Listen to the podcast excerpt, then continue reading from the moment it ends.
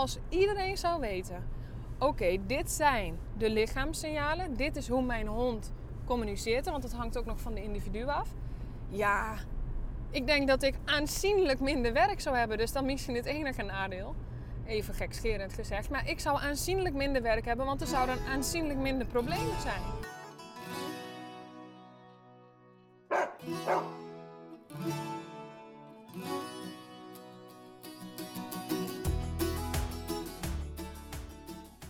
Schreef een post op Instagram over wat ik vaak zie gebeuren in een bepaalde post.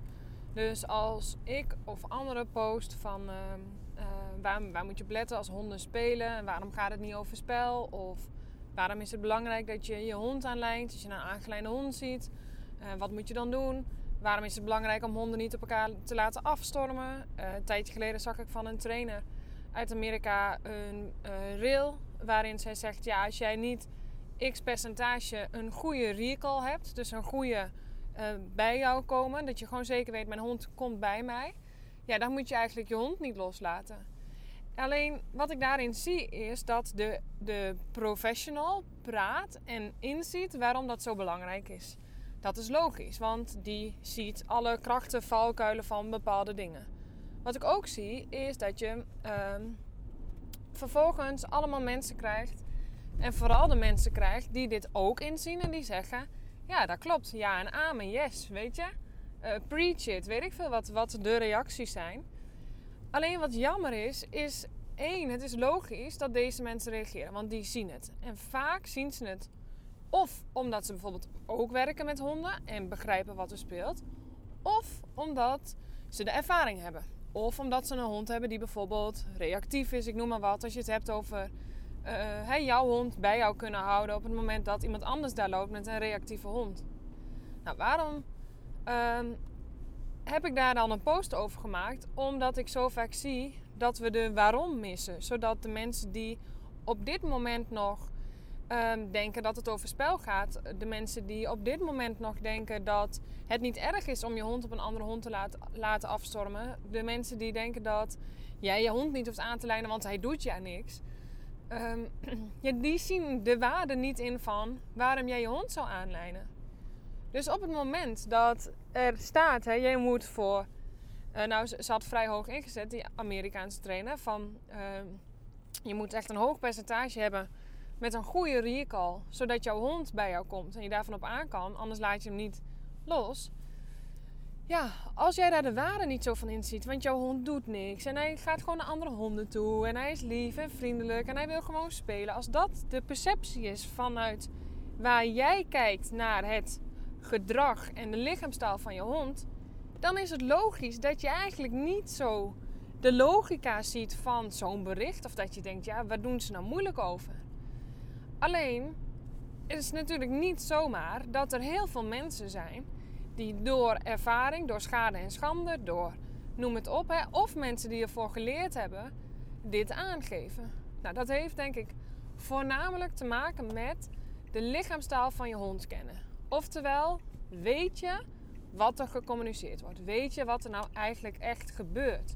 Herken je de lichaamstaal van je hond? Herken je hoe hij zijn lichaam inzet om iets aan te geven? En herken je de stresssignalen? Weet je hoe het zit met het stressemmetje van je hond? Weet je wat de triggers zijn voor je hond? Alleen de valkuil hier is dat we vaak denken, triggers, het is eigenlijk al zo'n woordje die een beetje de lading heeft van nou, dat het negatief is. En daarmee bedoel ik dus dat een trigger iets is, nou dan zal je hond wel uitvallen of zo. Of er gewoon echt totaal niet mee overweg kunnen. Alleen dat ligt dus een stuk genuanceerder. Nou, en waarom vind ik het belangrijk om dit te delen? Omdat dat is wat ik vaak in de praktijk zie. Dus een hele tijd geleden uh, liep ik met iemand tijdens een intakegesprek in het bos. Uh, dit bos ken ik heel goed, deze mensen ken ik in die zin hè, dat ik ze al een langere tijd heb zien lopen. En altijd onder de, nom, of onder de noemer, hè, het is gezellig, het is leuk. Nou, toen kwamen we een andere bekende hond tegen en toen zei ze, nou ga eens kijken en dat is Huppel de Pup en uh, hartstikke leuk. En... Alleen wat je dan krijgt is, de mensen zeggen A, maar de hond zeggen B. Betekent dat dat deze honden niet met elkaar door één deur kunnen? Nee, dat hoeft namelijk ook niet zo drastisch te zijn. alleen daar waar de mensen zeggen: Oh, wat leuk, kijk, dat is Bobby en ga maar eens kijken. En heel ritueel maken van: Nou, fantastisch, dat is je vriendje. Zeiden de honden eigenlijk: Ja, maar wacht even, met al die poespas en op deze manier elkaar begroeten, ja, dat vind ik ontzettend ingewikkeld. Dus eigenlijk lieten zij hele keurige signalen zien, maar er was dus wel een, een misinterpretatie van wat er gebeurde. En dat kan dus ook leiden tot ervaringen die minder gezellig zijn. De gemiddelde hond die ik in traject heb, en ik heb ook heel veel jonge honden in traject, zeg eens van een jaar, anderhalf jaar, waarbij mensen zeggen: Nou, het eerste jaar deed hij eigenlijk niks. De eerste maanden ging super. Nee hoor, hij heeft eigenlijk nooit zo op puppies of op andere honden gereageerd, bedoel ik, toen hij puppy was. Nee, dat is echt iets van nu. Hij is nu een jaar, anderhalf, twee. Ik zie nu dat hij opbouwt naar andere honden. Nou, dan gaan we eens kijken en dan vraag ik eens, hè, waar ben je met je hond geweest? Waar heb je gesocialiseerd? Wat heb je allemaal ondernomen? En dan is het meestal wel te verklaren dat op het moment dat als jij de signalen van je hond, en dan doe ik vooral op de subtiele signalen van je hond, die aangeven, hey, hoe zit ik erin? En dan zit een hond dus nog in de groene, gele, oranje zone. Dan heb je nog niet echt een probleem. En met je bedoel ik wij als mensen. Het is allemaal nog handelbaar. Je hond is nog een soort van voorreden vatbaar. We koppelen dat vaak aan training. Stel, een hond is niet voorreden vatbaar, want hij zit in de oranje zone. Je begrijpt, de groene zone, dat, dat maakt nog dat je hond relatief ontspannen is. Dat het allemaal nog wel prima is. Hij is vrede vatbaar. Als je iets vraagt, dan doet hij dat. Als hij in die oranje zone gaat en in, dus in de rode zone... Ehm, de rode zone is dus, hè, de hond is over de zeik. Er zit zoveel stress in, in, zijn, in zijn systeem. Uh, noem het op dan ben je je hond kwijt. Daar is hij niet meer voor reden vatbaar. Waarom zeg ik, we koppelen dat aan training? Op het moment dat die hond in die oranje zone zit, misschien aan het begin of al wat hoger richting het rode aan het opbouwen, ja, dan zou je kunnen zeggen dat ehm, de hond misschien gewoon niet zo goed getraind is. Hè? Ja, nee, hij wil niet komen hoor. Als ik hem roep, hij gaat altijd naar alle andere honden toe. Oké, maar hoe zit dat met eigenlijk die opbouw in die communicatie van de hond. Waar staat de hond nu? Dus hoe gaat het met zijn stresslevel? Hoe zit het met de stresshormonen in zijn systeem? Die maken dat er ruis op de lijn is, dat er bepaald gedrag ontstaat. Nou ja, hier kun je een hele andere podcast over opnemen. Maar, ehm, en dus ook vooral, die maakt dat het lijkt alsof de hond niet goed getraind is. Of dat je misschien te makkelijk bent geweest. Of en dan krijgen we te horen, ja, je hebt ook niet voldoende leiderschap. Of uh, ja, je had je dit maar anders moeten aanpakken, noem het op. En dat, daar valt misschien wat voor te zeggen. Maar wat ik vooral zie is, we hebben signalen gemist. De signalen waarbij de hond zegt, nou stop, hè, kan het anders? Ik vind hier wat van, ik vind het ingewikkeld. De hond communiceert een grens. Daar gaan we overheen. Dat doen we onbewust, want we zien niet dat er een grens gecommuniceerd wordt. Maar vervolgens zegt de hond in feite in die oranje en zeker in de rode zone: nu is het klaar. Ik had aangegeven, ik vind het niet leuk. Nou, het kan zijn dat je hond opbouwt in die escalatieladder door ehm, dat te doen in de directe communicatie met een prikkel. En dan bedoel ik dus dat de hond het doet. Hè? Hond ziet een prikkel, hond begint met subtiele signalen en bouwt zo langzaam op totdat de prikkel dichterbij komt. Of totdat het gewoon, uh, hè, zeker als er niet op ingespeeld wordt, dat de hond gewoon in één keer, volgens ons dan, gaat blaffen, in de lijn hangt, uitvalgedrag laat zien. Nou, dat ineens, daar kun je dus al over discussiëren. Want in die hele groene, gele zone zijn al zoveel degelijke, keurige signalen vaak door de hond laten zien. Dat het eigenlijk wel prima gaat. Uh, en dat je nog iets met hem kan. Ja, en dan in één keer doet hij wat. Nou, je hebt natuurlijk ook nog uh, niet alleen de directe communicatie, maar stel nou Hè, die hond die altijd in dat bos loopt. En de signalen zijn een aantal keer genegeerd. Um, en met een aantal keer bedoel ik, hè, dat kan dus ook gewoon een aantal maanden zijn. Als je bijvoorbeeld over een puppy spreekt. Signalen worden niet opgepakt, want we zien ze niet. En dan op een gegeven moment kan jouw hond de associatie naar bijvoorbeeld een andere hond. Uh, dat, dat, dat hij in die escalatieladder al meteen in die oranje-rode zone zit. Want die signalen zijn zo vaak eigenlijk onbewust genegeerd. We zijn over de grens gegaan van een hond. Dat het lijkt uh, dat jouw hond gewoon meteen in die, in die zone zit bij het zien van een andere hond. En ik zeg, ik zeg dat het lijkt, hè, maar de kans is zeer aannemelijk dat dat zo is. Oké, maar wat is dan nu het bezwaar en wat is dan nu de post? Om, wat ik zie in een losloopgebied is dat er zoveel meer gecommuniceerd wordt dan dat het leuk is, dat het gezellig is. Dat de honden altijd of zitten te wachten op de ontmoeting. Of, want er zijn ook honden die dat wel leuk vinden, dat ze zitten te wachten op de ontmoeting zoals die nu gaat. Met veel bombardie. Vaak op elkaar afstormen. Vaak honden die gaan liggen, plat liggen, fixeren, opspringen. Schietraketjes noem ik ze altijd.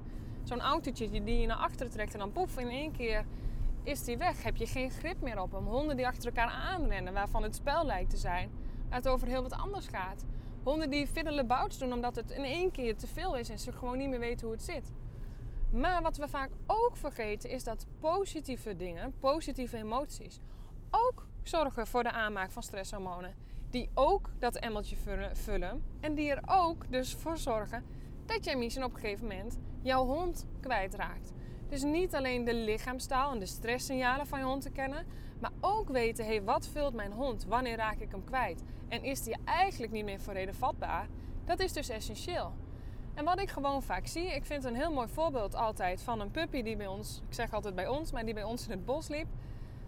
Allemaal leuk, onder de noemer socialiseren is zo'n puppy in het losloopgebied gebracht. Ehm, want hij moet natuurlijk wel leren omgaan met andere honden. Nou ja, dat is ook zo.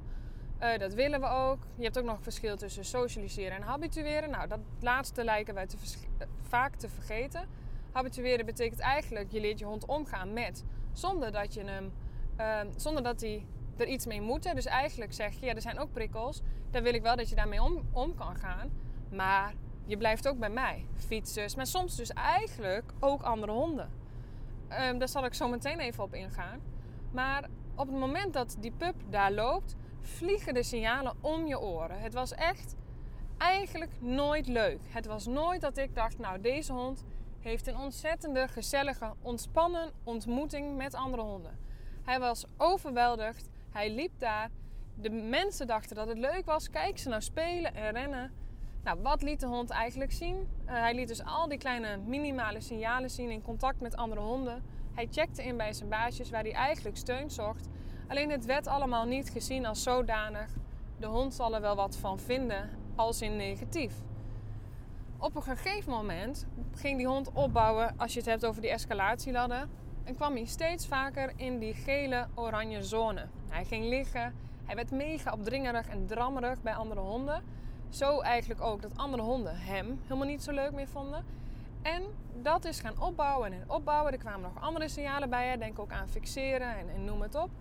En op een gegeven moment kwam deze hond eigenlijk in het stadium dat als hij in dit bos liep, dat de associatie zodanig vervelend was. Want er waren zoveel ontmoetingen die niet op een normale hondse manier liepen.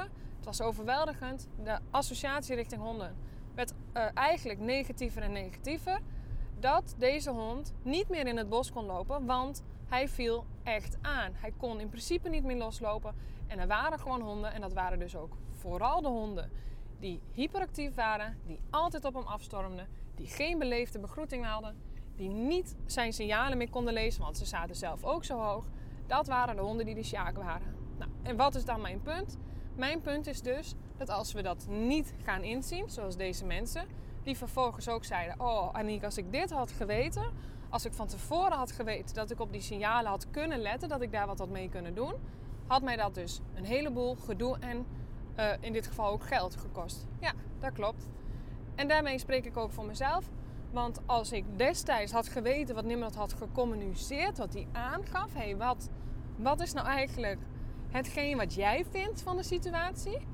Ja, dat had me echt ontzettend veel gedoe gescheeld. En ik geloof dus ook dat als we massaal weten, met z'n allen, als iedereen nou zou weten dat dit speelt. En begrijp me niet verkeerd, je hond is geen robot, dus je hebt niet overal uh, invloed op. Maar als iedereen zou weten: oké, dit zijn de lichaamssignalen, dit is hoe mijn hond communiceert, want het hangt ook nog van de individu af. Ja, ik denk dat ik aanzienlijk minder werk zou hebben, dus dan misschien het enige nadeel. Even gekscherend gezegd, maar ik zou aanzienlijk minder werk hebben, want er zouden aanzienlijk minder problemen zijn. Zoals bijvoorbeeld deze hond. Deze hond, dat had totaal anders kunnen lopen. En dat maakt dus, als jij niet inziet dat dit, dat dit onder andere dingen zijn, als jij niet inziet dat op een andere hond afstormen onnatuurlijk is, als je niet weet dat een hond een conflictvermijdend dier is van nature, dat betekent dus ehm, dat hij het conflict het liefst uit de weg wil gaan. Als je niet weet wat de kopingsmechanismen zijn, als je niet weet wel, waar je eigenlijk op moet letten op het moment dat een hond in aanraking komt met een andere prikkel, ja, dan kan het zijn dat je op een gegeven moment met een hulpvraag loopt. Oké, okay, Maniek, maar ik heb eigenlijk geen hulpvraag met mijn hond en ik heb eigenlijk geen. Hè, er zijn genoeg honden die niet op dat punt komen. Dat zou kunnen. Je hond hoeft natuurlijk geen andere hond op te vreten om aan te geven, jongens. Hè, ik vind hier wat van. Dat betekent alleen niet dat ik op het moment dat ik in een losloopgebied loop, hè, want ik zie inderdaad dat het voor 90% goed gaat. En ik denk dat we daar de hond op een soort podium zouden mogen zetten van chapeau. Fascinerend dat het honden zijn, denk ik misschien wel de meest fascinerende dieren als je het hebt over hun aanpassings, maar ook hun tolerantiegehalte. Maar daar pak je dus ook meteen de clue, want we hebben het over tolerantie. Het feit dat een hond het tolereert, is natuurlijk wel echt even wat anders dan dat hij het fijn vindt, dat hij op zijn gemak is. En op het moment dat een hond tolereert, gaan we ook nog eens over een grens heen. Ja, dat is natuurlijk wel een dingetje. En daarbij, op het moment, want ik denk dat, dat we best veel rassen hebben in Nederland, die juist ook in zo'n losloopgebied lopen, die een heel hoog tolerantiegehalte hebben. Dus denk aan de Labrador, de Cold Retriever, de Doodles.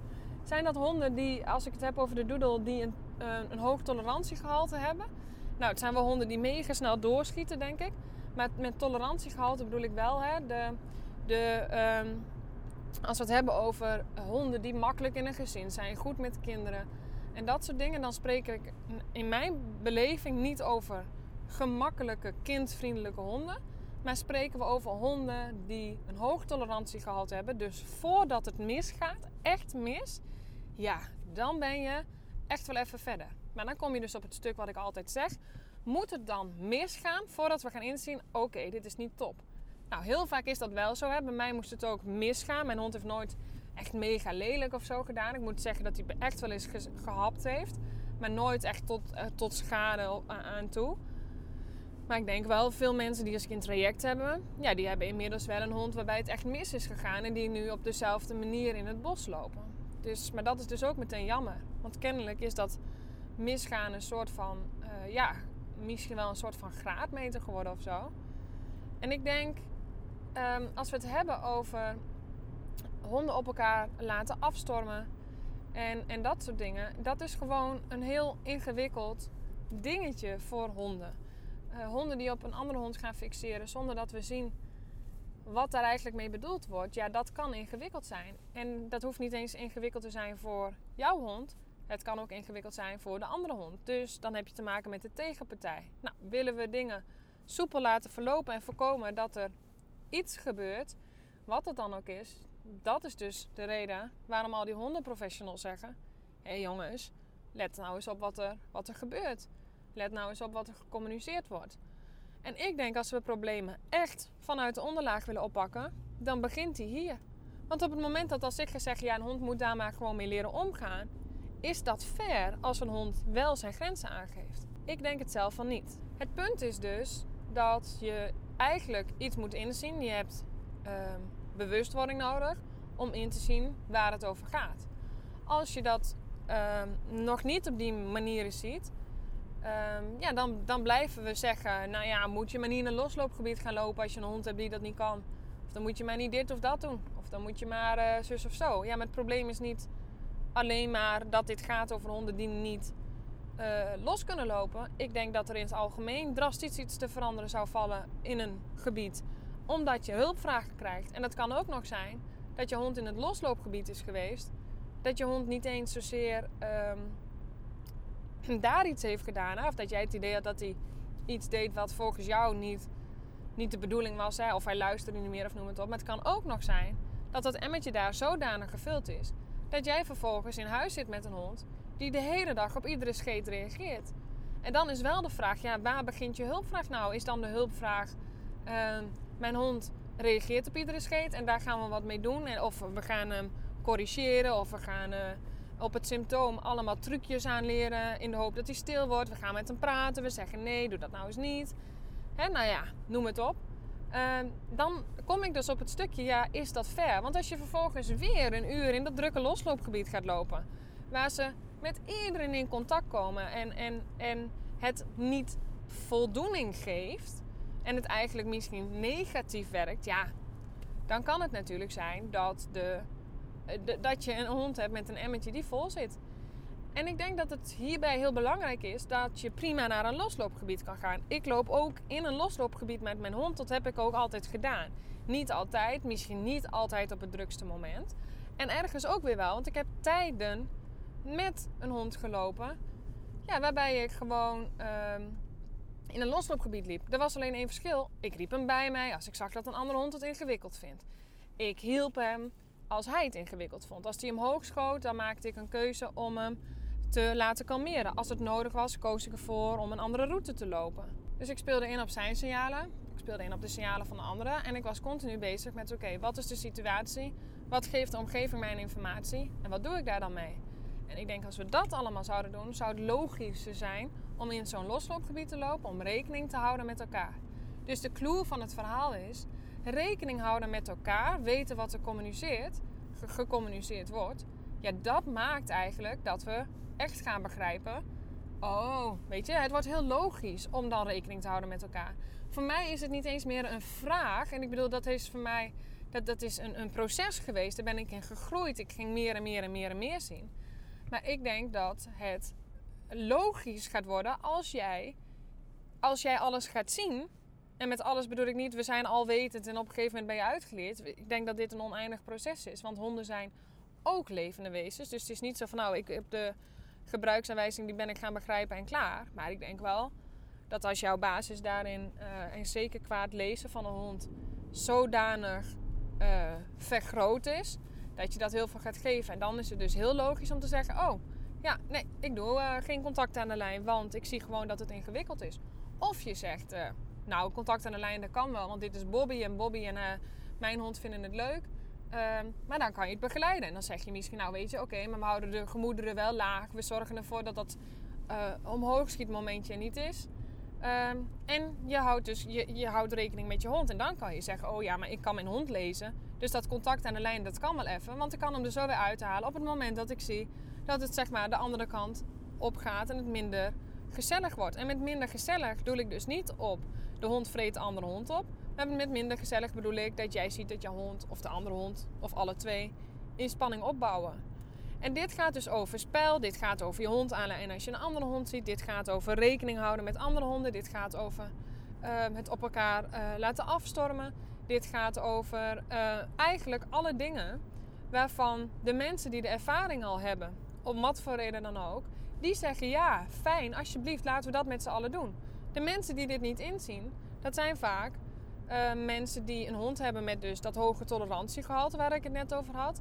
Ik zie het vaak voorkomen bij bepaalde rassen. Want ja, voordat die Labrador helemaal uit zijn slof schiet, ja, dan, dan ben je wel een stukje verder. Het kan, iedere hond kan bijten. Maar ik denk wel dat uh, dat een heel vertekend beeld geeft. Ik zeg heel vaak tegen mensen: wat als je nu een rotweiler had gehad? Dus ik was een tijdje geleden met een vrouw. En het gaat me niet om de rotweiler of om het lekker uh, lelijk weg te zetten. Maar het is wel een hond die in een conflict sneller andere signalen zou kunnen laten zien. En ook gewoon een grote stevige hond is. Dus een tijdje geleden was ik met een tackle, uh, met een vrouw met twee tackles op pad. En toen zei ik, ja, hartstikke mooi dit. En ook dat je het op zijn beloop laat gaan. Maar wat nu als je twee rotweilers had gehad? Of je had twee grote Duitse herders aan je lijn. Wat had je dan gedaan? Dus mensen die een Duitse herder, mensen die rotweilers hebben, die doen vaak niet voorzichtiger omdat zij een, hond, een rothond hebben. Maar dat zijn vaak mensen die inzien dat ze een grote hond hebben. Dat de opbouw in het conflict niet anders is dan bij de Golden Retriever. Maar als zij in de rode zone komen, laten zij wel signalen zien die een ander tolerantiegehalte weergeven. Dus je kunnen alle twee evenveel tolereren. Maar ik zeg wel eens, het is, soms zou het wel lekker zijn voor die Golden Retriever als die een beetje Rotweiler of Duitse herder in zich had. Want dan had hij kunnen zeggen, nou is klaar, ik vind het echt niet leuk. En dat we het ook begrijpen. Dat, dat, en, en ik weet ook dat begrijpen is ingewikkeld. Want begrijpen we het dan echt? Of gaan we het koppelen aan aan dominantie? Of zeggen we dat de hond niet opgevoed is en dat hij het maar gewoon moet leren? Of worden we boos op de hond, want hij gedraagt zich fout? Nou, en ik denk als je mij al een tijdje volgt, dan weet je dat ik graag die laag dieper kijk. Want voor mij gaat het echt wel over meer dan uh, ze moeten maar gewoon luisteren en doen wat ik zeg. Um, en dat, dat heeft ook te maken met de weg die ik daarin bewandeld heb. Um, dus het is ook een proces geweest. Maar het is wel zo dat ik altijd, gewoon als mens zijnde, altijd op een diepere laag naar gedrag heb gekeken. Altijd geloofd dat als iemand heel boos is, dat dat ook ergens over gaat. Uh, voor mij, dat is mij, dat is hoe als ik kijk naar dingen. Het heeft voor mij te maken met ja, hoe ik geloof dat, dat dingen uh, zouden kunnen werken. Uh, en ik zeg er dus bewust bij dat ik dat geloof. Want ik denk dat het daar heel erg over gaat. We kunnen het hebben over het is de waarheid. Maar ja, het is altijd een beetje een ingewikkeld dingetje, hè? de waarheid. En, wie heeft dan de waarheid in, in uh, pacht? En nou, je kunt hier dus heel veel over zeggen. Ik denk dat de podcast voornamelijk een aanvulling is op de post die ik gisteren heb gestuurd. Het is dus ook geen kritiek. Het is geen. Ja, het is niet verkeerd. Het is niet. Ik denk dat het daar allemaal niet over gaat. Ik denk zelfs, het is de weg die ik bewandeld heb en moest hebben voordat ik kon inzien, hé, wat gebeurt er nou eigenlijk? Ik heb ook wel vaak zo gestaan, hè, dat mijn hond bijvoorbeeld achter een hond aan rennen en dat mensen dan zeiden, oh, nou is leuk, leuk aan het spelen. En dat ik altijd dacht, ja, ik weet niet of dit spel is. Het zag er niet per se super ontspannen uit. En dat zag ik vooral aan gewoon hoe, hoe ik mijn hond kende, snap je? Dus dat ik dacht van ja, ik weet niet of dit nou een ontspannen spel is. Alleen ik had ook geen antwoord. Ik kreeg ook vaak geen antwoord. Men, niet verder dan mensen op het symptoom. Ja, je hebt wel een dominante hond. Of ja, je moet hem wel beter opvoeden. Of ja, het ligt aan jou. Je bent niet zelfverzekerd genoeg. Of ja. En dat ik altijd dacht, ja, maar en de hond dan? Wat gebeurt er nu intern gezien bij de hond? En die miste ik heel erg. Ik denk, wat mijn doel is, is niet zozeer om de nakker te zijn. Mijn doel is niet zozeer om te zeggen dat het allemaal maar kommer en kwel is. Mijn doel is alleen om bewustwording te creëren. En waar het mij om gaat is: één, je hebt niet alles in de hand. Het gaat me niet om perfectie. Het gaat me niet om dat je alles supergoed moet doen. Dat kan allemaal niet. Dat gaat niet. Ik bedoel, dat doe ik ook niet. Alleen al omdat je ook afhankelijk bent van uh, de omgeving, van dingen waar je geen invloed op hebt. Maar waar het me wel om gaat, is de bewustwording. Dat als jij het ziet, dat je, dat je daarna kan handelen. Dat, je, dat, dat we uh, niet meer kunnen zeggen: ja, ik wist het niet. En eigenlijk zeggen we dat niet eens, want, want we zien het niet. Maar, maar voor mij is het punt heel erg dat we ons bewust zijn van: oké, okay, hey, dit is wat er speelt. Oké, ik snap dat jouw hond het niet fijn vindt. Ik ga mijn best doen om mijn hond uh, bij mij te roepen, te houden. Of hey, ik ga kijken of ik hem kan aanlijnen. Want en ik denk dat een kanttekening wel is, hè, want reacties die als ik ook krijg op zo'n post zijn: ja, nou, het levert honden wel spanning op als, als die aangeleid wordt en de ander niet. Snap ik? Maar dat heeft voor mij dus wel ook te maken met, als we het hebben over habitueren, ik denk dat die daar heel erg over gaat. Dus dat we leren eigenlijk onze hond een soort van etiket mee te geven, zoals we dat ook doen bij onze kinderen, uh, bij mensen. Hoe gaan we nou om met elkaar? En um, ja, wat, is daar een, wat is daar belangrijk in? Dus een etiket zou kunnen zijn dat jij ook je puppy al kan aanlijnen op het moment dat een andere hond dat nodig heeft. En dan kun je denken, ja, een puppy, Janiek, maar die maken toch geen probleem? Nee, dat maakt niet uit. Een puppy communiceert ook en een andere hond communiceert ook naar een puppy toe. Dus in alle gevallen heb je ook dan weer te maken met deze hulpvraag. Dus concreet gaat het mij erover dat we gaan inzien. Dat we ons bewust zijn van. En dat we kunnen zeggen: Oh, maar weet je, ik snap het wel. Ik kan rekening houden met jou. Want waar dat dan ook in gaat. Dat we zien: Oké, volgens mij is het geen spel meer. hey, ik loop verder. Of hey, we roepen onze honden even tot de orde. Want het loopt nu wel heel erg op. Snap je? En ik denk dat dat het allermooiste is. Dat we gaan inzien. Dat we ons bewust worden van. Dat we kunnen zeggen: Ik begrijp het wel. En die mis ik nu heel vaak. Waar het me wel om gaat, is de bewustwording. Dat als jij het ziet, dat je, dat je daarna kan handelen. Dat, je, dat, dat we uh, niet meer kunnen zeggen, ja, ik wist het niet. En eigenlijk zeggen we dat niet eens, want, want we zien het niet. Maar, maar voor mij is het punt heel erg dat we ons bewust zijn van, oké, okay, hey, dit is wat er speelt. Oké, ik snap dat jouw hond het niet fijn vindt. Ik ga mijn best doen om mijn hond uh, bij mij te roepen te houden. Of hey, ik ga kijken of ik hem kan aanlijnen. Want. En ik denk dat een kanttekening wel is, hè, want reacties die als ik ook krijg op zo'n post zijn... Ja, nou, het levert honden wel spanning op als, als die aangeleid wordt en de ander niet. Snap ik? Maar dat heeft voor mij dus wel ook te maken met, als we het hebben over habitueren, ik denk dat die daar heel erg over gaat.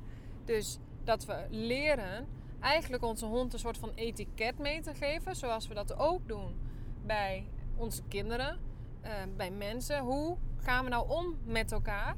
En uh, ja, wat is, daar een, wat is daar belangrijk in?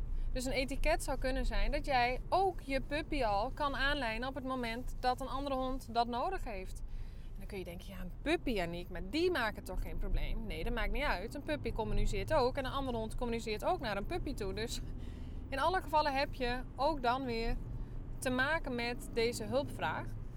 Dus concreet gaat het mij erover dat we gaan inzien, dat we ons bewust zijn van en dat we kunnen zeggen: Oh, maar weet je, ik snap het wel, ik kan rekening houden met jou. Want waar dat dan ook in gaat, dat we zien: Oké, volgens mij is het geen spel meer. Hey, ik loop verder. Of hey, we roepen onze honden even tot de orde.